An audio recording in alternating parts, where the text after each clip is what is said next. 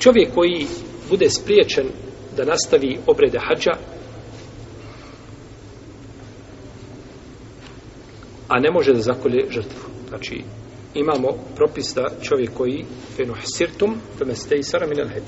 Ako budete spriječeni da nastavite, znači hađ, treba da se zakolje šta? Treba da se zakolje kurban. Tamo gdje čovjek bude spriječen, znači tu kolje kurban i obrije svoju glavu i nakon toga biva znači des, e, biva to prvo ili biva to oslobađanje konačno je da može nastaviti znači sa obredima hađa jer je tako radio poslanik sa osvame kako kaže Ibn Omar predaj koji bilježi Buhari o svome sahiju kada su znači spriječili a, korešije poslanika sa osvame da uđe u Meku kada je bio na Hudejbi onda je zaklao kurban i obrijeo glavu sallallahu alaihi wa alaihi wa sallam. A ako nema ovakav, znači spriječen, ali nema, nema ovaj mogućnost da se zakolje kurban, šta će učiniti? Ispravno je da ovaj čovjek koji nema mogućnosti sa njega spada klanje kurban. Spada šta klanje? Kurban. Kurban. Imamo neke učenjake koji kažu treba i onda posti deset dana kao šta njegov brat koji je nastavio sa obredima i završit će hađa, ali nema šta mogućnost da zakolje kurban. Kažu isto posti šta? Tri pa sedam.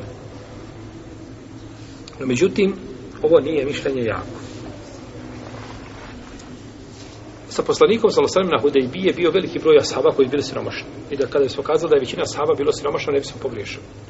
No, međutim, a, nije došlo da je poslanik, sa osam ikove od njih naredio da posti deset dana. A je osnova da se posti ili da se ne posti? Molim. Osnova da se posti, u ovome slučaju da se ne posti. Govorimo o čemu? Čovjek spriječen da obavlja, da nastavi sa hađem. Je u redu? Osnova da zakolje kurban. Ostalom dobri je glavu zakolje kurban. U redu. Nema mogućnost da zakolje kurban. Ovdje ulema kaže treba posti deset dana. Postavimo sada argumente. Da li je osnova da on to iskupi ili da ne iskupi? Šta je osnova?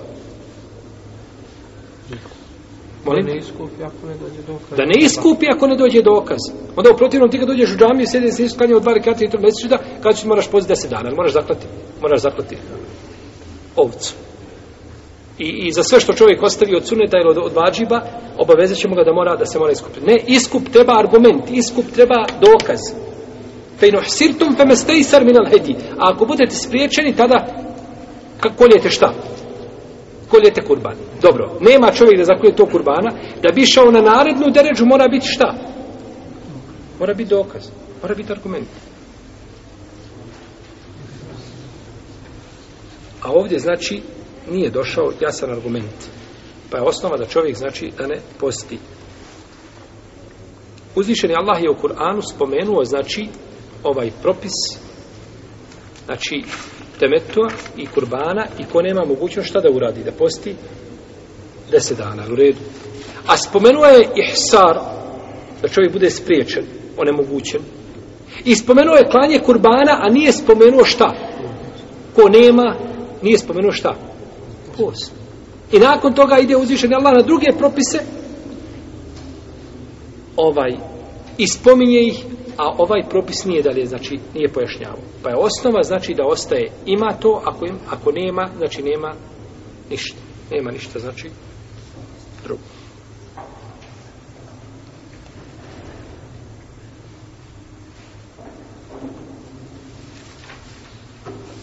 Pa ispravno da čovjek koji nema mogućnosti, znači neće ni postiti ništa osim znači što će obrijati jeli, svoju glavu i tako će jeli desiti tahallul tako je završio tako je li završio